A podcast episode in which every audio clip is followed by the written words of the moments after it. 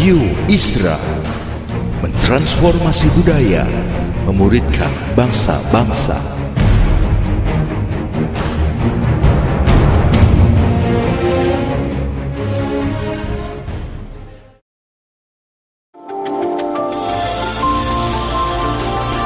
Voice of Predaim menyuarakan paradigma kebenaran firman Tuhan yang esensi untuk memperlengkapi Anda menggenapi misi dan panggilan ilahi. Selamat mendengarkan.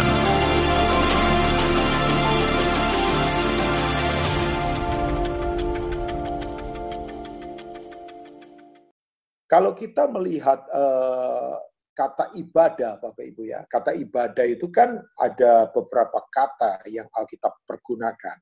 Ya, misalnya lebih banyak di Alkitab Perjanjian Baru ibadah itu ditulis dengan kata Eusebia. Eusebia itu artinya godly, ya karakternya seperti Yesus, yaitu ibadah yang benar gitu. Jadi kita uh, konsentrasi ibadah bukan di tempat kebaktian, tapi dalam kehidupan sehari-hari. Itu Eusebia. Ya. Nah, uh, ada juga ibadah yang disebut dengan listrea. Itu adalah mengunjungi itu tuh anak-anak yatim dan janda-janda yang miskin. Ya, ya janda-janda yang miskin yang memang sudah susah. Makanya saya bilang sama anak-anak muda, ya saya suka bercanda sama mereka untuk memberitahu. Sebab anak muda kadang-kala bisa saja terjemahkan ayat ini, Yakobus 1 ayat 27 kan, mesti ibadah murni mengunjungi janda-janda miskin yang tua, yang susah. ya. Tapi sering kali anak muda kan terjemahkan yang dikunjungi janda muda-muda yang kaya. Saya ngomong jangan. Nah, itu itu nggak boleh itu ya.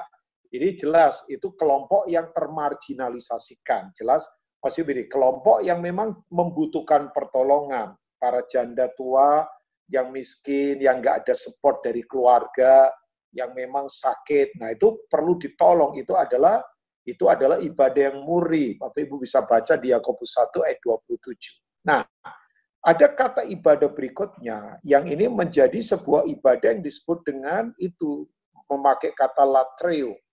Nah, Seringkali kekristenan kita dibangunnya di atas dasar ibadah latreo ini. Latreo itu begini, ada tempat kebaktian, ada acaranya, ada liturgisnya. Biasanya liturgisnya lima bagian kan. Yaitu yang pertama doa pembukaan, yang kedua nyanyian pujian, yang ketiga adalah membacakan firman, kemudian mengkhotbahkannya, yang keempat adalah itu pengumuman, dan yang kelima adalah doa berkat. Nah, nah ibadah yang model begini sekarang belum bisa dilakukan. Bahkan saya saya nggak tahu uh, berpikir ke depan ini ibadah akan totally different, akan berbeda, sangat berbeda. Entah sampai kapan, ya kalau misalnya ibadah yang kayak tadi itu bisa dilakukan, wah saya mungkin akan nyanyi semangat dan apa, tapi kan uh, belum tahu sampai kapan. Ya saya dengar Surabaya juga belum buka belum buka. Beberapa di Jakarta sudah mulai walaupun dengan jumlah terbatas dan memakai uh, aturan protokoler yang sudah ditetapkan. Ya cara kemudian mesti uh, yaitu pakai masker. Kalau perlu uh, ya itu jarak diatur dan sebagainya di Jakarta ada beberapa yang sudah buka dengan jumlah terbatas anak di bawah usia 13 tahun nggak boleh orang tua di atas usia 60 tahun nggak boleh itu tuh sudah pembatasan-pembatasan yang ada. Nah, kalau itu sampai nggak bisa dilakukan, pertanyaannya kan sederhana. Apakah iman kita masih kuat? Ya kan? Apakah saya atau saudara itu masih merasa Kristen kalau kita belum nyanyi lagu Kristen dulu, satu dua lagu? Atau kita harus harus nyanyi dua lagu rohani dulu baru merasa kita masih Kristen? Gitu. Maksud saya begitu ya. Nah, ibadah latrio itu sekarang sudah menjadi kekuatan kekristenan, di mana ada tempat, ada acara, ada panggung, ada LED, ada penyanyi artis mungkin, ya nggak apa-apa dengan semua itu. Tapi kan sekarang nggak bisa dikerjakan. Nah pertanyaan saya sederhana, apakah kita masih melihat bingkai kekristenan kita kuat kalau itu nggak ada? Ya, kadang-kadang ada orang kalau merasa kuat kalau ada di gereja yang gede, nyanyi bersama dengan yang lainnya, lompat-lompat, pemimpin pujiannya bagus, kayak Franz misalnya. Atau ya pemain musiknya canggih, dengan interlude yang bagus, melodi yang bagus, skill musiknya bagus, baru merasa seperti Tuhan hadir begitu. Ya. Nah, kalau kita lihat di perjanjian lama, ya misalnya ya ibadah latri itu seperti begini, harus ada mesbah, harus ada domba yang dikorbankan, harus ada asap baru merasa Tuhan ada. Padahal kalau kita lihat ada orang seperti Henok misalnya. Henok itu Henok itu tidak ditulis bahwa dia mempersembahkan korban, tapi he walk with God. Dia berjalan bersama Tuhan 300 tahun. Jadi dalam kehidupan sehari-hari kata berjalan itu nanti Bapak Ibu bisa baca di kejadian 5 ayat 22. Dan Henok bergaul dengan Tuhan. Itu pakai kata bergaul, LAI-nya. Tapi kalau terjemahnya King James pakai uh, Enoch uh, itu uh, walk with God. Jadi dia berjalan bersama Tuhan. Itu pakai kata itu. Artinya dalam kehidupan sehari-hari. Misalnya juga ada satu orang namanya, nah ini yang ingin saya bahas, namanya Abraham. Ya, kata faith atau percaya itu muncul justru di eranya Abraham. Jadi faith itu muncul di eranya Abraham. Ya, ya saya tidak akan mengajar secara rumit ya karena saya nggak suka yang rumit-rumit. Tapi saya ingin ingin membawa kita supaya pengertian kita jadi kuat. Bahkan Bapak Ibu, kalau saya boleh berkata, contoh gereja dengan pola penyembahan yang sesungguhnya itu sudah ada di zamannya Abraham harusnya. Ya, ya tentu Pak Rubin, Pak Rubin kan di gereja mula-mula kisah Rasul itu contoh gereja betul. Nah, kenapa saya berkata bahwa nanti Bapak Ibu baca kitab Kejadian pasal 14, tentunya itu peristiwa waktu Abraham menyelamatkan keponakannya namanya Lot, ya kan?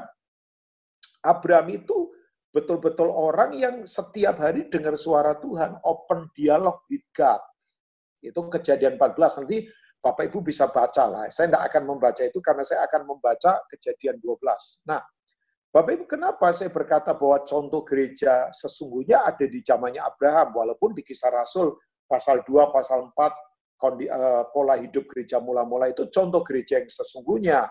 Mereka tidak pakai bangunan, mereka nggak pakai mesti harus ada liturgis.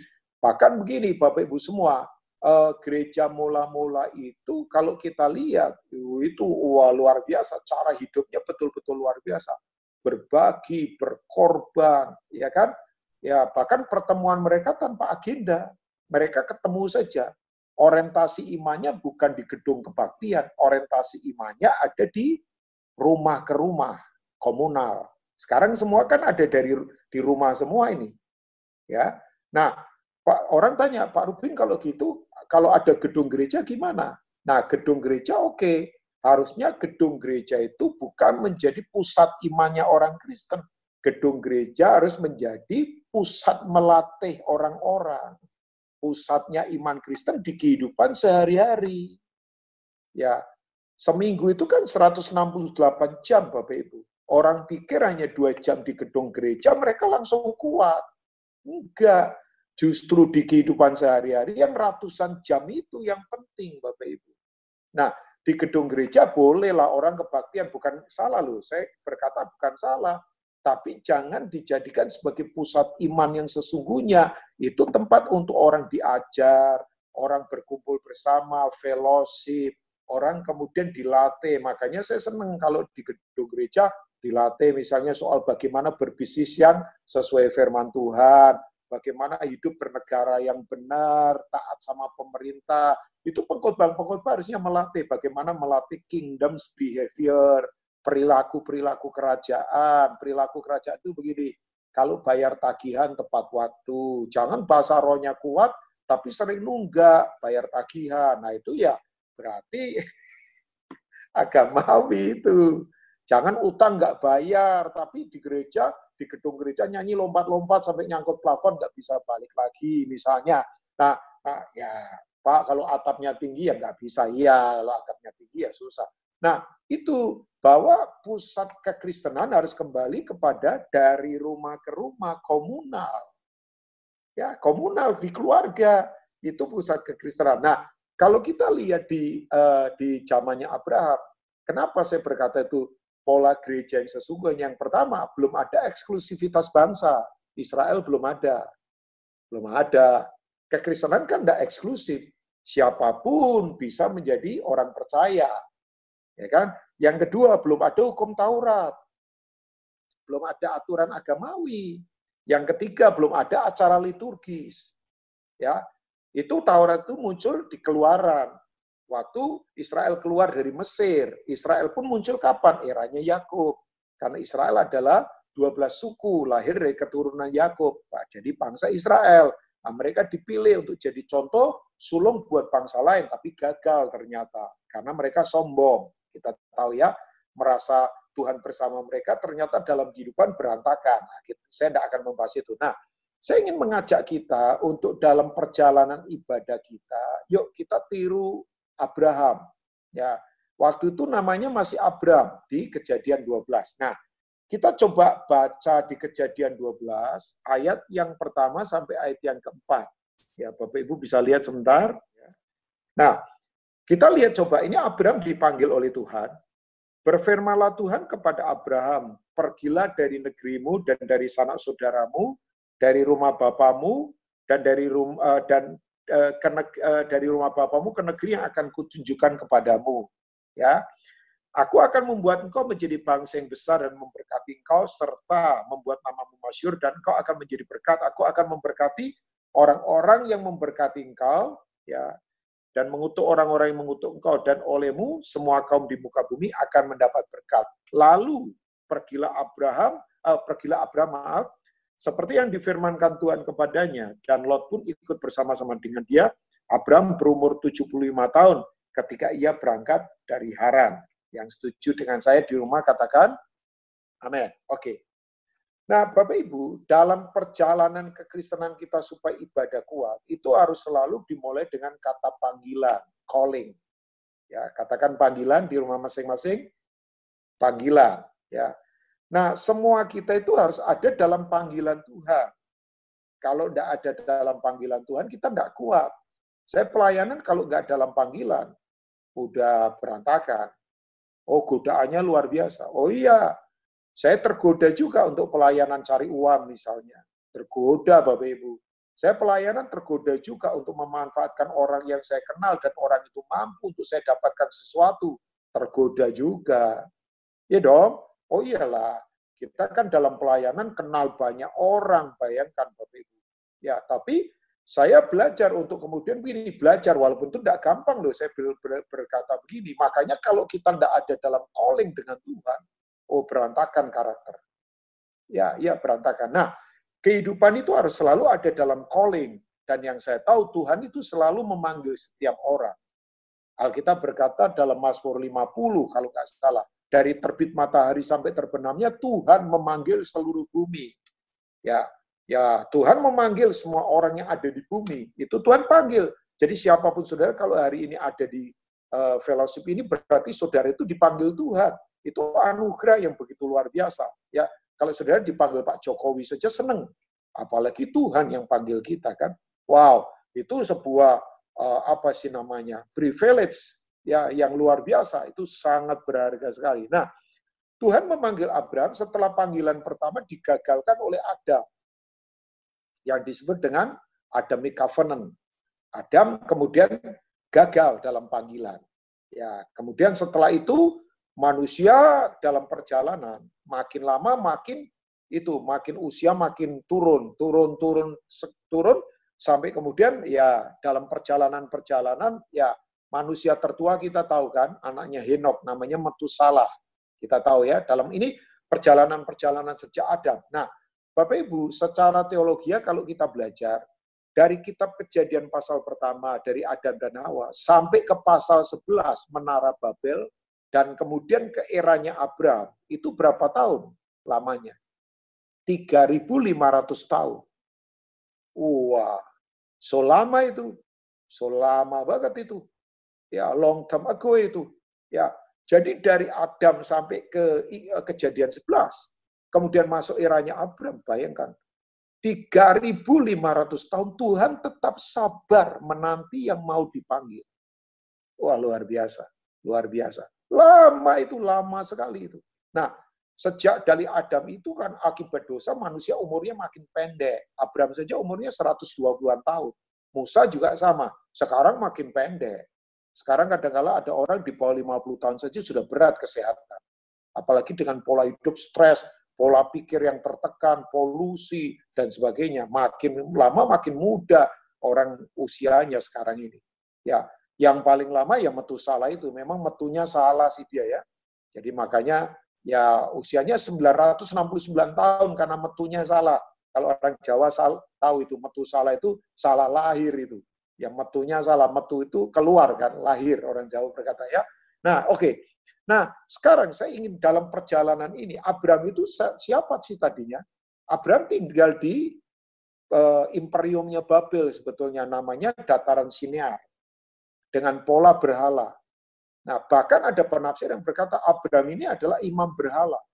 Karena dia adalah orang yang menyembah berhala awalnya. Tapi nggak tahu tiba-tiba dia dengar suara dari langit, ada intervensi langit. Nah orang ini taati suara ini. Ya, saya senang belajar dari Abraham. Nanti coba ya, kita napak tilaslah dalam perjalanan ini bersama Abraham. Ini disebut dengan perjalanan iman kita sebetulnya.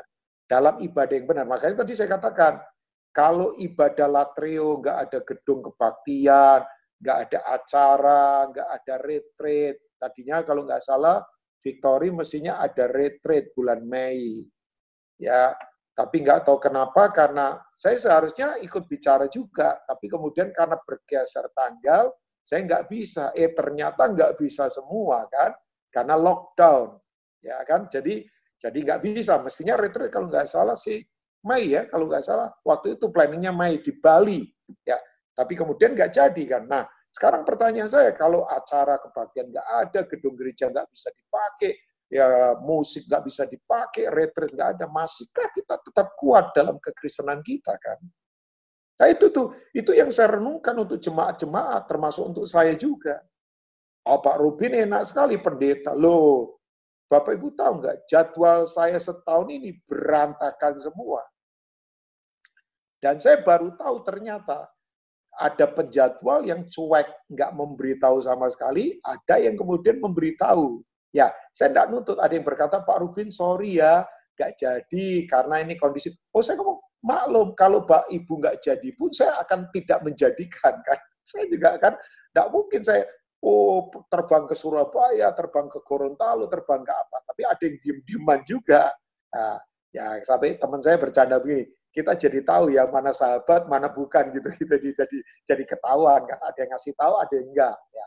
Kalau Franz sih sahabat saya, dia ngasih tahu saya ya.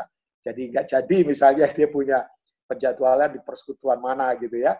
Nah, nah Bapak Ibu begini, jadi kalau saya berpikir pun untuk misalnya jadwal, berantakan juga kita pendeta-pendeta. Ya kan jadwal-jadwal semua. Tapi nggak apa-apa, kita happy banget kok. Kita nikmati kehidupan kita sungguh-sungguh berfokus. Makanya itu tadi saya katakan, iman kita, perjalanan kita masih kuat nggak kalau acara-acara kebaktian nggak ada, maksudnya begitu.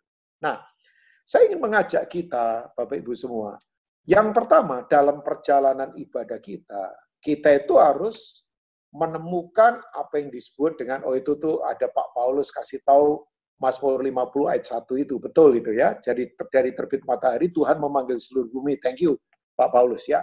Nah, dalam perjalanan iman kita, perjalanan kita itu harus perjalanan yang menemukan identitas kita dalam Tuhan siapa.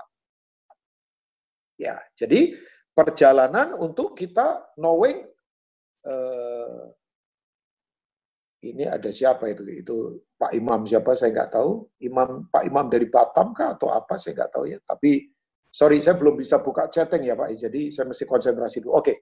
Nah, dalam perjalanan menemukan identitas ini, Bapak Ibu, kita harus kembali untuk ini menemukan identitas kita dalam Tuhan. Nah, ada yang tahu nggak kata Abram, nama Abram itu artinya apa?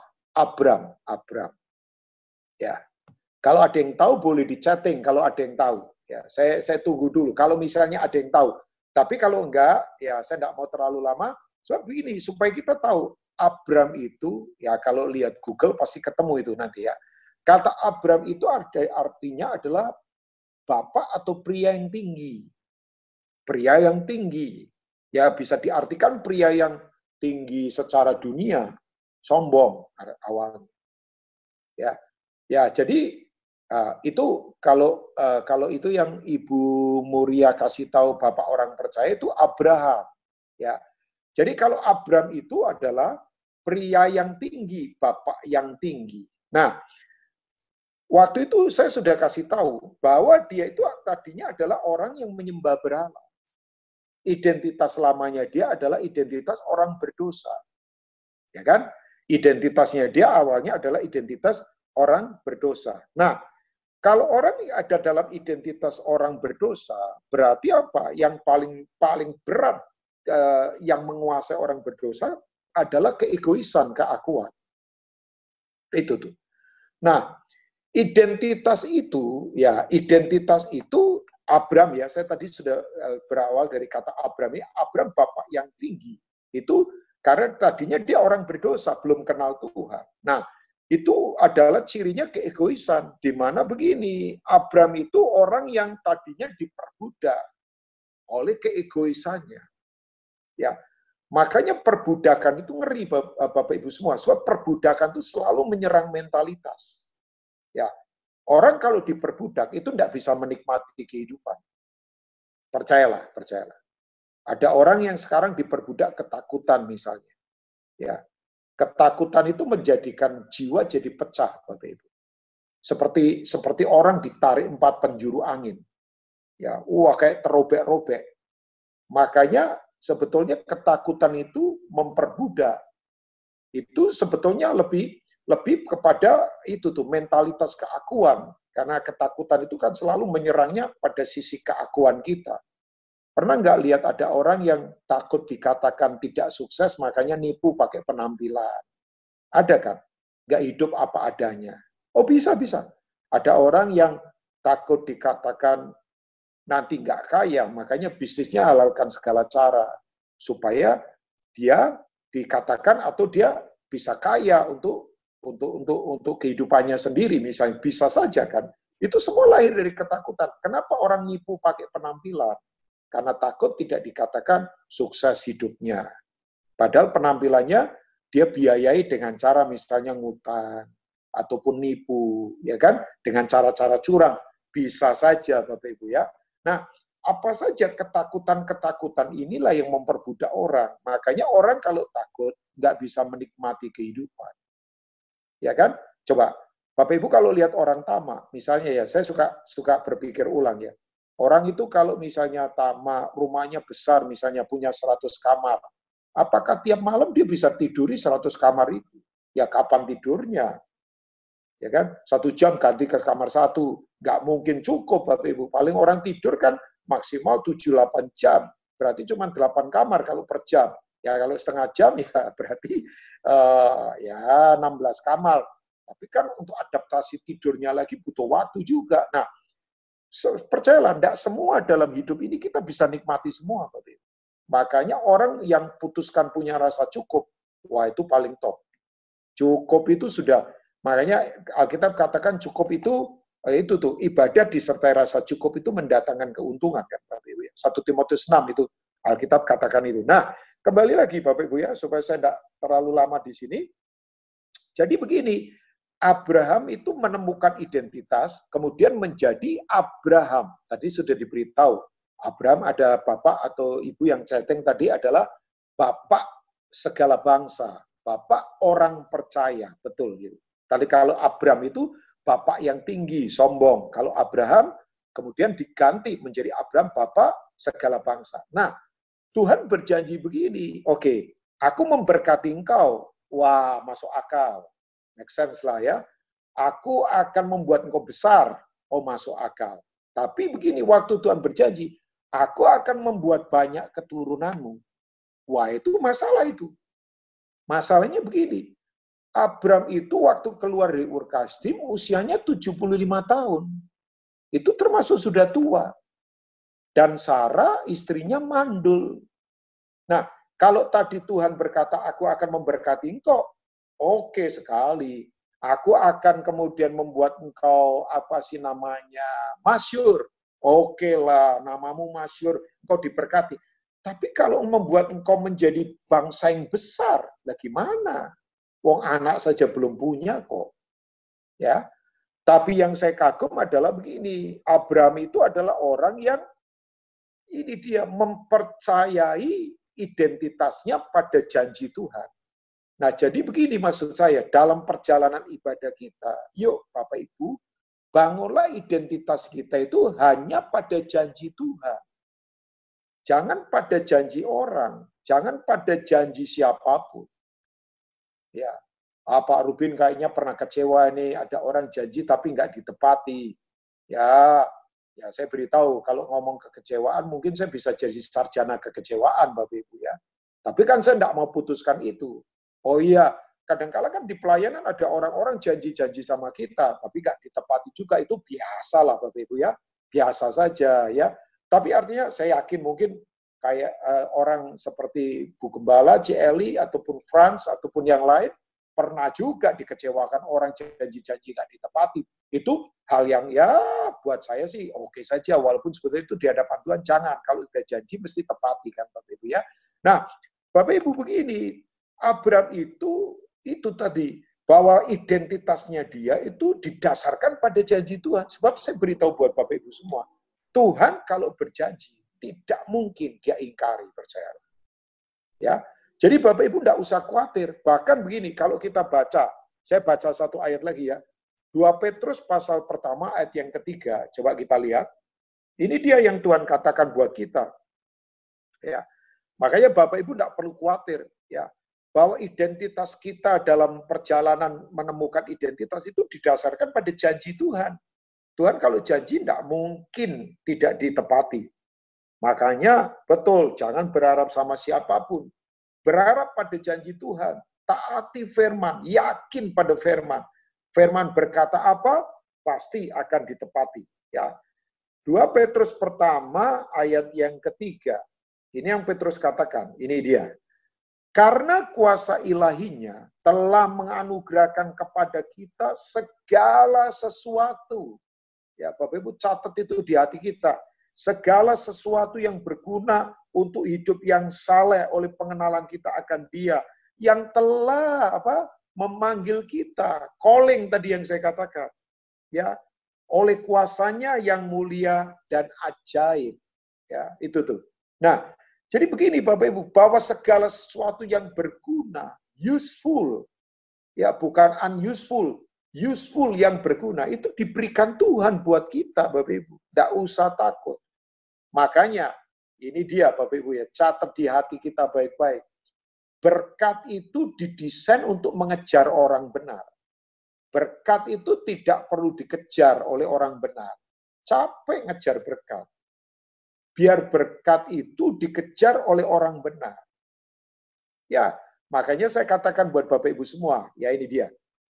Tuhan itu lebih suka menuntun dan memelihara hidup kita lewat berkat daripada lewat mujizat. Karena mujizat itu temporary, kalau berkat itu continually. Tapi orang Kristen kan sukanya yang spektakuler. Nah, Betul, mujizat itu ada, mujizat itu fasilitas, tapi kan tidak setiap hari terjadi. Biasanya mujizat itu terjadi kalau kita dalam kondisi kepepet. Maksudnya begini, kepepet, yaitu kalau orang-orang kepepet itu biasanya mengalami mujizat. Saya tahu Bapak Ibu pernah lah kepepet-kepepet mengalami mujizat. Tapi kan mujizat tidak terjadi tiap hari. Masa sih Tuhan itu belah laut tiap hari, nanti alam rusak, ikan jadi kasihan kan, tidak bisa beranak cucu kan tiap hari, lautnya dibelah, nanti karang-karang laut jadi rusak kan. Nah, Tuhan itu bikin mujizat enggak setiap hari, tapi Tuhan selalu tuntun kita lewat berkatnya tiap hari.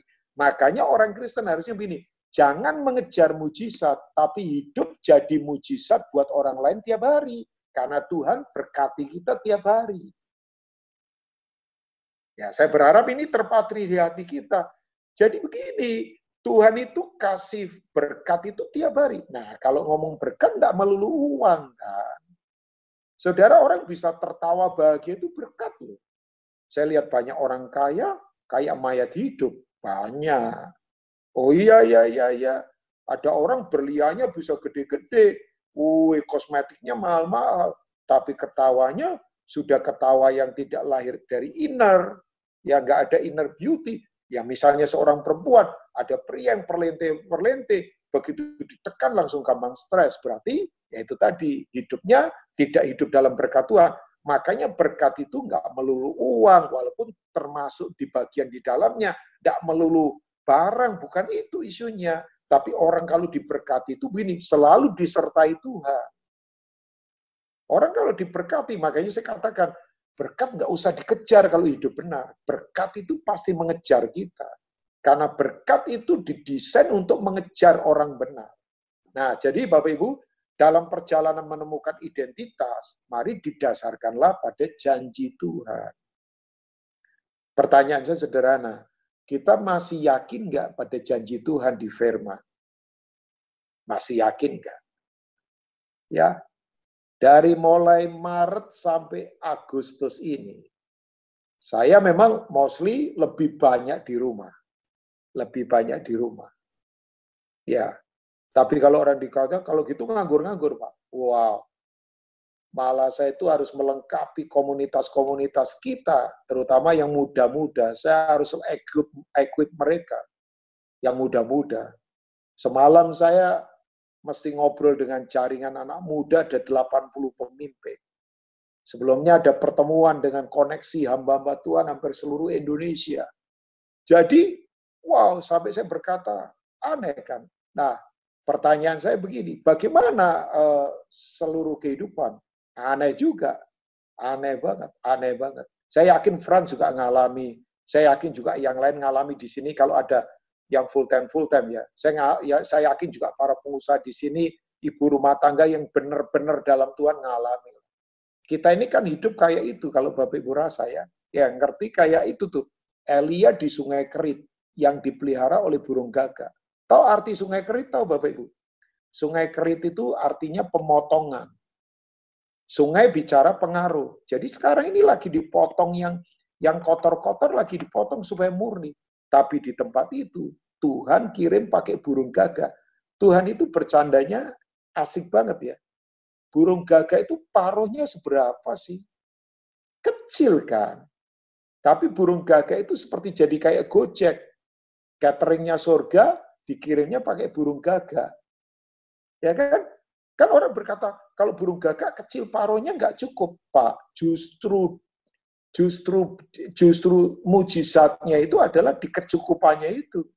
Walaupun paruhnya nggak besar. Kan itu aneh, Bapak. Itu anehnya luar biasa. Nah, makanya tadi saya katakan, yuk dasari identitas hidup kita pada janji Tuhan, bukan yang lain. Nah, yang kedua, saya akan masuk kepada perjalanan berikutnya. Dalam perjalanan hidup ini, yang kedua adalah kita mesti menemukan divine purpose, tujuan ilahi. Itu lebih penting daripada apa pun, Bapak Ibu. Harus menemukan tujuan ilahi. Nah, kalau kita lihat di ayat 4 dari 2 Petrus 1 itu, saya akan lanjutkan, itu kan tadi fasilitas ya di janji janji Tuhan. Nah, dengan jalan itu, perjalanan lagi ini, ya, ia telah menganugerahkan kepada kita janji-janji yang berharga dan yang sangat besar. Tidak hanya berharga saja, tapi sangat besar supaya olehnya kamu mengambil bagian dalam kodrat ilahi dan luput dari hawa nafsu duniawi yang membinasakan dunia. Yang setuju katakan amin. Nah, tujuannya semua itu adalah supaya kita menemukan kodrat ilahi. Apa itu kodrat ilahi?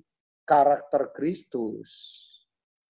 Jadi, perjalanan ibadah kita yang berikutnya dalam kehidupan sehari-hari adalah mesti menemukan karakter Kristus.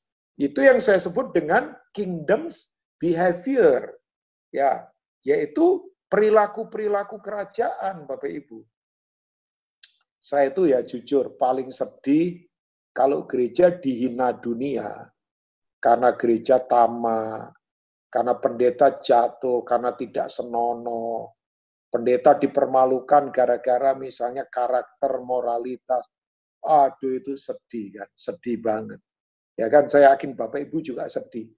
Kalau orang misalnya ya Bapak Ibu, dianiaya karena iman pada Kristen, pada Kristus, wah itu bangga kan. Karena melakukan kebenaran kemudian dianiaya. Tapi kalau kemudian orang teraniaya karena karakter yang rusak, nah itu menyedihkan Bapak Ibu. Nah, saya berharap, itu saya berharap bahwa perjalanan ibadah kita harus menemukan apa yang saya sebut dengan tujuan ilahi, yaitu seperti Kristus. Nah, saya tahu Bapak Ibu, dalam perjalanan, dalam waktu-waktu yang ada, nggak selalu enak memang. Nggak selalu enak kan. Ya, Bapak Ibu kalau baca kitab pengkhotbah pasal 3 ayat 1 sampai ayat yang ke-14 kalau nggak salah, itu Bapak Ibu nanti bisa baca pengkhotbah 3 itu ya. Ayat pertama sampai ayat berikutnya, kalau Bapak Ibu lihat kan itu di situ ada 14 pasang waktu. Ada yang positif, ada yang negatif. 14 pasang waktu itu ada yang positif, ada yang waktu negatif, ada yang negatif. Misalnya ya, ada waktu untuk lahir itu positif, ada waktu untuk mati secara duniawi Eh, secara dunia itu negatif. Ada waktu untuk untung, positif. Ada waktu untuk apa? Rugi. Ada waktu untuk perang, itu negatif. Ada waktu untuk damai, itu positif. Ada waktu untuk memeluk, itu positif. Ada waktu untuk menahan diri dari memeluk, itu negatif. Ada waktu untuk kemudian apa lagi itu?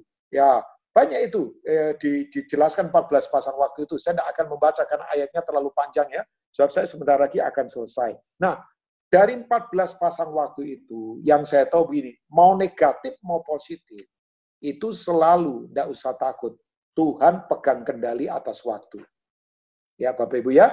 Jadi mau negatif mau positif mungkin sementara saya lagi sharing ini ada yang sekarang waktunya lagi negatif ini. Ada yang lagi rugi, ada yang lagi sedih mungkin karena saya tidak bisa uh, cek Bapak Ibu satu persatu kan. Tapi mungkin ada yang sedang happy sekarang ini. Ya, ada yang sedang happy. Mungkin anjing peliharaannya lahir lima ekor misalnya. Ya, yang impor maksudnya. Ya, bisa dijual misalkan bisa happy juga. Atau ya mungkin uh, ya uh, usahanya lagi bagus, misalnya ada yang lagi happy. Atau ada yang lagi mungkin kurang happy. Ada usahanya yang lagi berat, misalnya bisa saja. Nah, saya ingatkan sebagai hamba Tuhan, mau negatif mau positif, saya beritahu, Tuhan tetap pegang kendali. Oh ya dong. Saya tadi itu, saya tadi uh, saya tadi dikirimin uh, itu, dikirimin uh, apa sih uh, WA sama satu teman saya. Ya dia mungkin kirim ke semua orang, salah satunya ke saya. Ya dia cerita saja, dia cerita. Ada orang yang uh, ibunya lagi sakit. Ya, dia tinggalnya di satu pedalaman. Untuk ke kota mesti jalan kaki dua jam. Jadi dia gotong ibunya, dia gendong, orangnya masih kuat sih ya ke ke tempat rumah sakit. Nah dokternya baik banget, dokternya baik banget. Cuman begini Bapak Ibu semua, ternyata nggak tahu kenapa itu ternyata obat yang dibawa oleh anak itu untuk ibunya itu salah obat sebetulnya. Salah obat. Nah, mau dikejar waktu kemudian asistennya berkata itu salah obat cairan ini obatnya salah obat, mau dikejar sudah hampir satu setengah jam baru ketahuan. Wah, dokternya ngajak stafnya berdoa. Berdoa, Bapak Ibu. Doa sungguh-sungguh. Mereka nangis betul-betul. Nangisnya bukan karena takut nanti orangnya mati saja, tapi nangisnya karena memang berbelas kasihan betul-betul pada uh, ibu ini yang lagi sakit dan anaknya itu. Bapak Ibu tahu, Bapak Ibu. Jadi kemudian apa yang terjadi? Waktu kemudian uh, mereka berdoa udah besok paginya dokter-dokter udah siap ini bisa dituntut ini atau ya udah beritanya adalah ibu itu mati tapi uh, uh, bapak ibu semua yang luar biasa ini anak yang bawa ibunya itu ke rumah sakit itu lagi wah ketakutan anak ini wah dokternya panik lihat anak ini ketakutan udah ini mati nih ibunya ternyata dia ngomong begini dokter maafkan saya maafkan saya itu tidak tahu diri. Loh, kaget. Kenapa? Iya dokter, sudah dokter kasih obat gratis, ya sudah periksa ibu saya gratis. Jadi waktu saya saking senengnya pulang ke rumah dua jam lagi itu sambil gendong ibunya lagi. Karena jalanan gelap, Bapak Ibu. Terjatuh itu obat. Dan terjatuhnya gelinding kena batu, pecah, biar itu obat. Wah, padahal dia berpikir nyampe rumah, ibunya makan, dikasih obat itu. Dia mau ibunya cepat sembuh. Pecah. Bapak Ibu tahu nggak? dokternya ya ya tapi nggak bisa menyembunyikan pura-pura. Malah dokternya ketawa bahagia senang. Dokternya kasih tahu, nah justru kita senang banget. Nah dokternya tanya, kapan itu pecahnya? Anak ini sebutkan jamnya, menitnya, detiknya itu persis waktu dokter itu ngajak semua stafnya berdoa. Di waktu yang sama, bayangkan. Makanya saya tahu kekuatan doa tidak main-main, Bapak Ibu.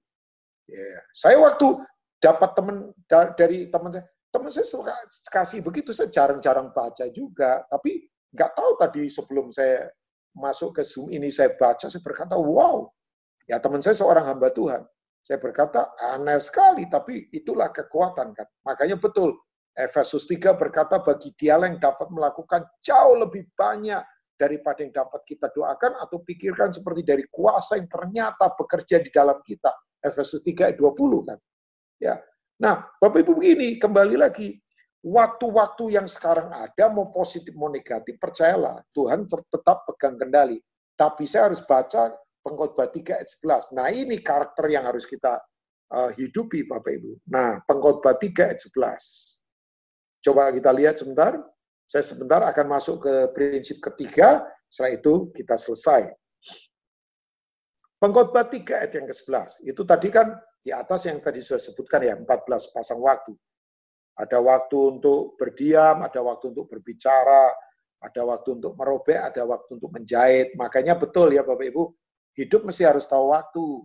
Kalau waktunya diam ya jangan banyak ngomong. Kalau waktunya bicara jangan banyak diam. Ya. Jadi ada orang kalau harus bicara kebenaran malah diam. Tapi waktunya harus diam malah banyak ngomong yang najis-najis, malah ya berantakan jadinya ya. Harus tahu waktu dalam hidupan. Nah, ayat yang ke-11 berkata begini, ini dia.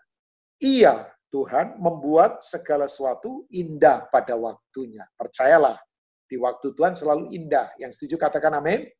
Sayangnya orang suka buat ayat ini untuk nikahan. Apalagi jomblo-jomblo lama yang belum dapat jodoh-jodoh.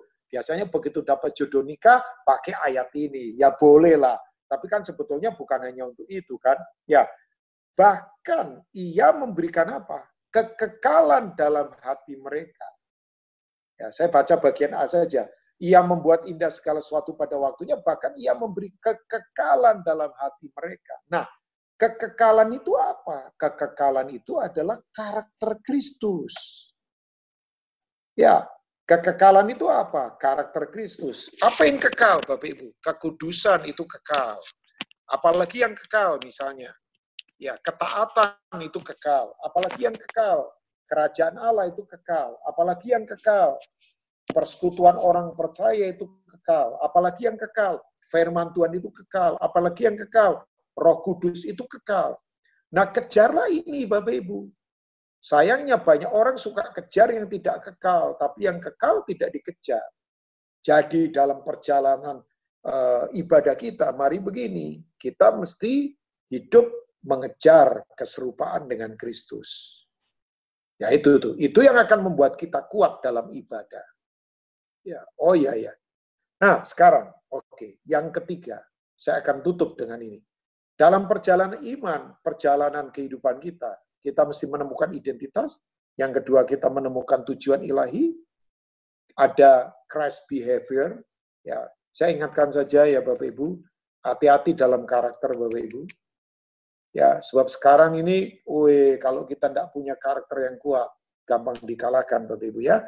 Nah, yang ketiga, dalam perjalanan ibadah kita, kita itu akan menemukan apa yang disebut dengan perjalanan kemusafiran. Ya, perjalanan kemusafiran. Ya. Nah, maksudnya apa Pak Rubin? Oke, kita kembali lagi seperti yang uh, ini ya. Kita tadi sudah kasih contoh tentang Abraham, tapi saya ingin tutup dengan Ibrani pasal 11. Coba kita lihat ya. Ini tentang Abraham juga tapi dalam konteks perjanjian baru. Tadi saya bicara dalam konteks perjanjian lama, ini adalah Abraham dalam konteks perjanjian baru. Kalau kita lihat mulai ayat yang ke 8 sampai 9, dua ayat saja ya, setelah ini kita akan selesai. Ya, saya akan selesai dengan dua ayat ini. Ya, Bapak Ibu yang saya kagum begini, Abraham itu ya Bapak Ibu ya, saking setianya sama suara Tuhan, sampai dia itu tidak tahu kalau dia sudah ada di Kanaan. Oh iya iya. Buat Abraham, suara Tuhan itu jauh lebih penting daripada semua fasilitas. Ya. Dan kalau Bapak Ibu tahu begini, Abraham itu tahu itu Kanaan waktu gembala-gembalanya dia bertengkar dengan gembalanya Lot, keponakannya karena kekurangan tanah pengembalaan. Saking kayanya mereka. Makanya saya bercanda, kalau gembala-gembala sekarang pada bertengkar, ternyata sudah ada sejak zamannya Abraham. Ternyata. Gembala-gembala bertengkar. Tapi kalau kalau di Abraham kan memang rebutan betul-betul eh, apa sih domba yang sesungguhnya. Kalau sekarang kan biasanya rebutan yang ya biasanya yang diperbutkan ya domba-domba yang gemuk-gemuk ya biasanya biasanya ya ya saya berharap di sini uh, yang pelayanan nggak begitu ya karena orang suka memperbutkan yang gemuk-gemuk yang seger-seger ya kan saya yakin lah saya yakin orang kayak uh, misalnya Cieli atau siapa Frans yang punya karunia hebat pasti diperbutkan di gereja-gereja lah. Pastilah ya. Ya, nggak bercanda saja lah ya. Tapi artinya, coba, nah, ya, Franz ketawanya kenceng sekali itu. Saya nggak tahu kenapa. Dia ingat sesuatu kali ya. Nah, Bapak Ibu tahu, Abraham itu nggak tahu kalau dia sudah ada di Kanaan. Makanya kemudian Abraham ngomong sama Lot, Lot, kita kerabat nggak baiklah bertengkar. Jadi sekarang gini, kamu mau pilih ke mana? Kalau kamu ke kiri, aku ke kanan. Lot pilih lembah Yordan. Nah, kemudian dia tinggal di Sodom dan Gomora. Nah, Tuhan terus berbicara begini. Itu kalau nggak salah ada di kejadian 13, kalau nggak salah ya. Nanti Bapak Ibu baca lah. Saya tidak harus baca semuanya ya. Bapak Ibu tahu Tuhan ngomong begini. Nah, ini, ini yang jadi prinsip pelayanan hidup saya. Tuhan ngomong sama Abraham begini. Abraham, sejauh matamu memandang, melihat, sejauh kamu bisa menjelajahi negeri ini, itulah yang akan aku berikan kepadamu. Sejauh kamu memandang, sejauh kamu menjelajah negeri ini, itulah yang aku berikan kepadamu. Nah, saya punya prinsip dalam pelayanan ini. Ya, silakan Bapak Ibu mau tertular dengan prinsip ini boleh, enggak juga enggak apa-apa. Ini prinsip saya. Kalau saya tidak bisa melihat sejauh yang saya bisa lihat, saya akan berjalan bersama Tuhan sejauh yang saya bisa berjalan bersama Tuhan. Saya ulangi lagi ya Bapak Ibu ya. Kalau saya tidak bisa melihat sejauh yang bisa saya lihat di depan saya, saya akan belajar untuk berjalan sejauh mungkin asal bersama Tuhan. Artinya, saya mau terus berdialog dengan Tuhan tiap hari dalam perjalanan ibadah saya. Ya kan? Kalau sekarang kita kan suruh melihat ke depan, semuanya masih, ya maksudnya secara fisikal ya saya bilang. Karena sekarang ini dunia ada di dalam ketidakpastian ya tidak pasti. Saya dengar sekarang 200 lebih negara lockdown. Amerika kalau nggak salah sekarang sudah angka 5 juta loh. Nggak main-main. Wow. Saya bersyukur sekali, bersyukur. Ya bukan bersyukur kemudian yang lain. Kalau masih di Australia nggak bersyukur, saya terus doakan teman-teman di sana. Ya, artinya anak saya dalam anugerah Tuhan 12 Juli kemarin for good sudah dia ada di sana kan dalam kasih karunia Tuhan. Jadi kita ngumpul lagi sekarang senang banget sudah. Kita ngumpul bersama untuk karena semuanya nggak pasti Bapak Ibu, nggak pasti. Orang berkata Amerika dreamland, negara impian, sekarang nggak pasti lagi. Bahkan saya dengar beberapa case rasis mulai muncul. Ya rasis itu kan evil spirit itu rosetan itu. Di mana orang merasa lebih hebat dari yang lainnya. Keegoisan itu Bapak Ibu. Di mana-mana sekarang, di mana-mana. Tapi berita yang mengagetkan saya justru di negara-negara yang kayaknya nggak mungkin. Sekarang lagi terjadi banyak kebanan rohani. Bapak Ibu tahu di Korea Utara sekarang terjadi pertobatan-pertobatan aneh. Makanya saya ingatkan yang di Victory ini, jangan sampai yang terdahulu jadi terkemudian, yang terkemudian jadi terdahulu. Sekarang ini saya berindih loh Bapak Ibu, dengar dari laporan misi, negara-negara yang kelihatannya nggak mungkin dilawat Tuhan, dilawat sekarang. Ya, makanya jangan sampai dilewati loh Bapak Ibu. Sementara yang lain dilewati, kita jangan sampai dilewati, Bapak Ibu. Ini masa-masa serius, Bapak Ibu, dalam perjalanan ibadah kita. Saya bilang begini sebagai saudara di Victory. Kita tidak sedang main-main loh, Bapak Ibu. Ya, kita dalam perjalanan kemusafiran karena ada ujung. Makanya di sini ini hanya tempat transit, bukan tujuan. Ya, jangan bangga dengan barang, jangan bangga dengan kedudukan, jangan bangga dengan gelar, jangan bangga dengan apa pengalaman.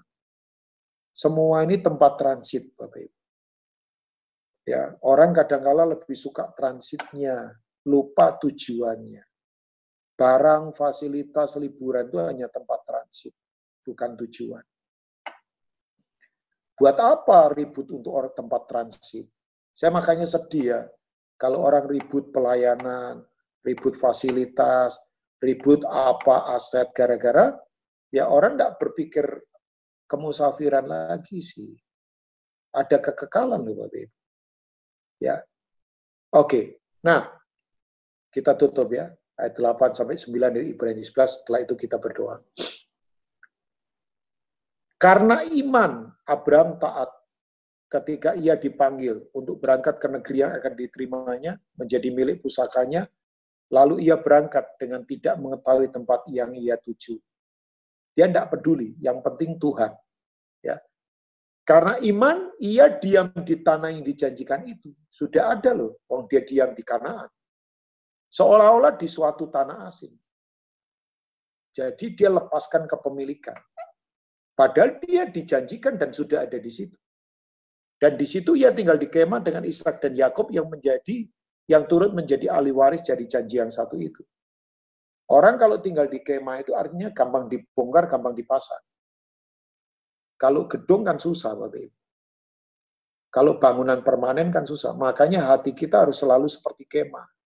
Kalau Tuhan suruh bongkar, bongkar saja. Kalau Tuhan suruh gerak, gerak saja. Kalau Tuhan suruh tinggal, ya tinggal. Tapi sewaktu-waktu Tuhan suruh pergi, pergi saja. Jadi mentalitasnya betul, mentalitas yang punya kemusafiran untuk terus bergerak. Yang saya tahu musafir itu pasti bawaannya ringan. Tidak ada lah musafir bawa spring bed, terus kulkas tiga pintu, ya diseret-seret, yaitu musafir agak senewan itu ya, kurang waras itu.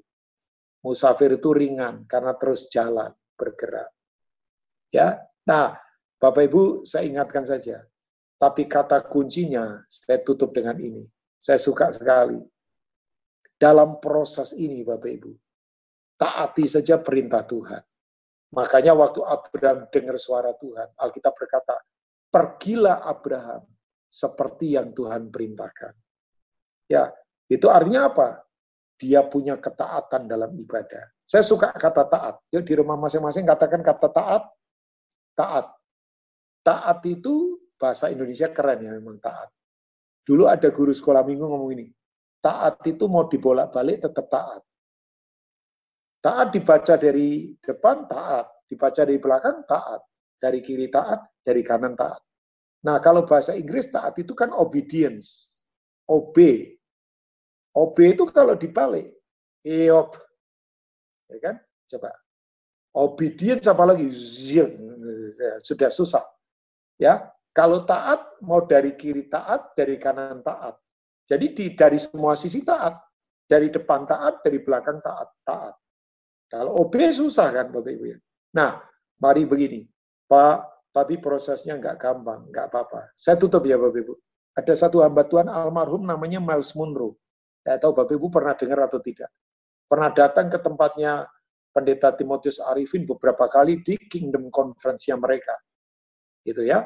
Nah, Miles Munro, Miles Munro ini orang luar biasa. Karena jadi penasihat dari beberapa negara. Satu kali orang ini ketemu tokoh hebat di dunia. Namanya Nelson Mandela. Tahu Bapak Ibu Nelson Mandela? Dia adalah presiden orang kulit hitam pertama di Afrika. Waktu kemudian salaman sama Nelson Mandela. Ya ini sebelum ada corona jauh. Makanya salaman ya Bapak Ibu.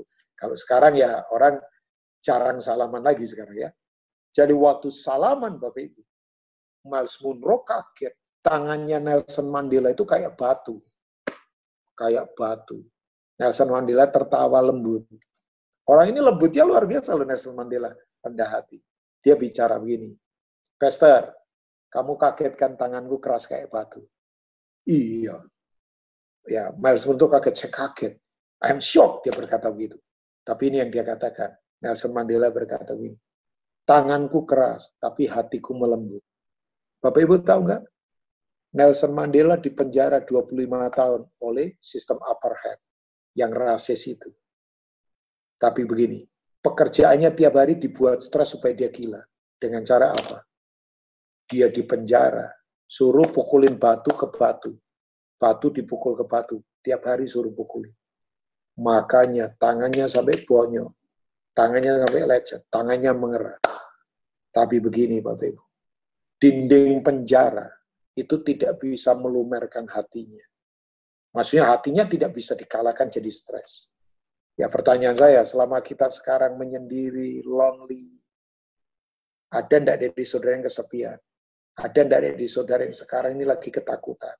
Ada dari saudara yang merasa kayak terpenjara, dengan tekanan berita dan sebagainya. Tapi ini yang Nelson Mandela katakan, tanganku mengeras, tapi hatiku melembut. Makanya waktu dia keluar, jadi pemimpin hebat. Ibadahnya betul-betul luar biasa. Nah saya berharap Bapak Ibu begini, dalam kehidupan kita yuk, jadilah orang-orang yang kembali menemukan tujuan yang seperti Tuhan mau. Radio Isra mentransformasi budaya, memuridkan bangsa-bangsa.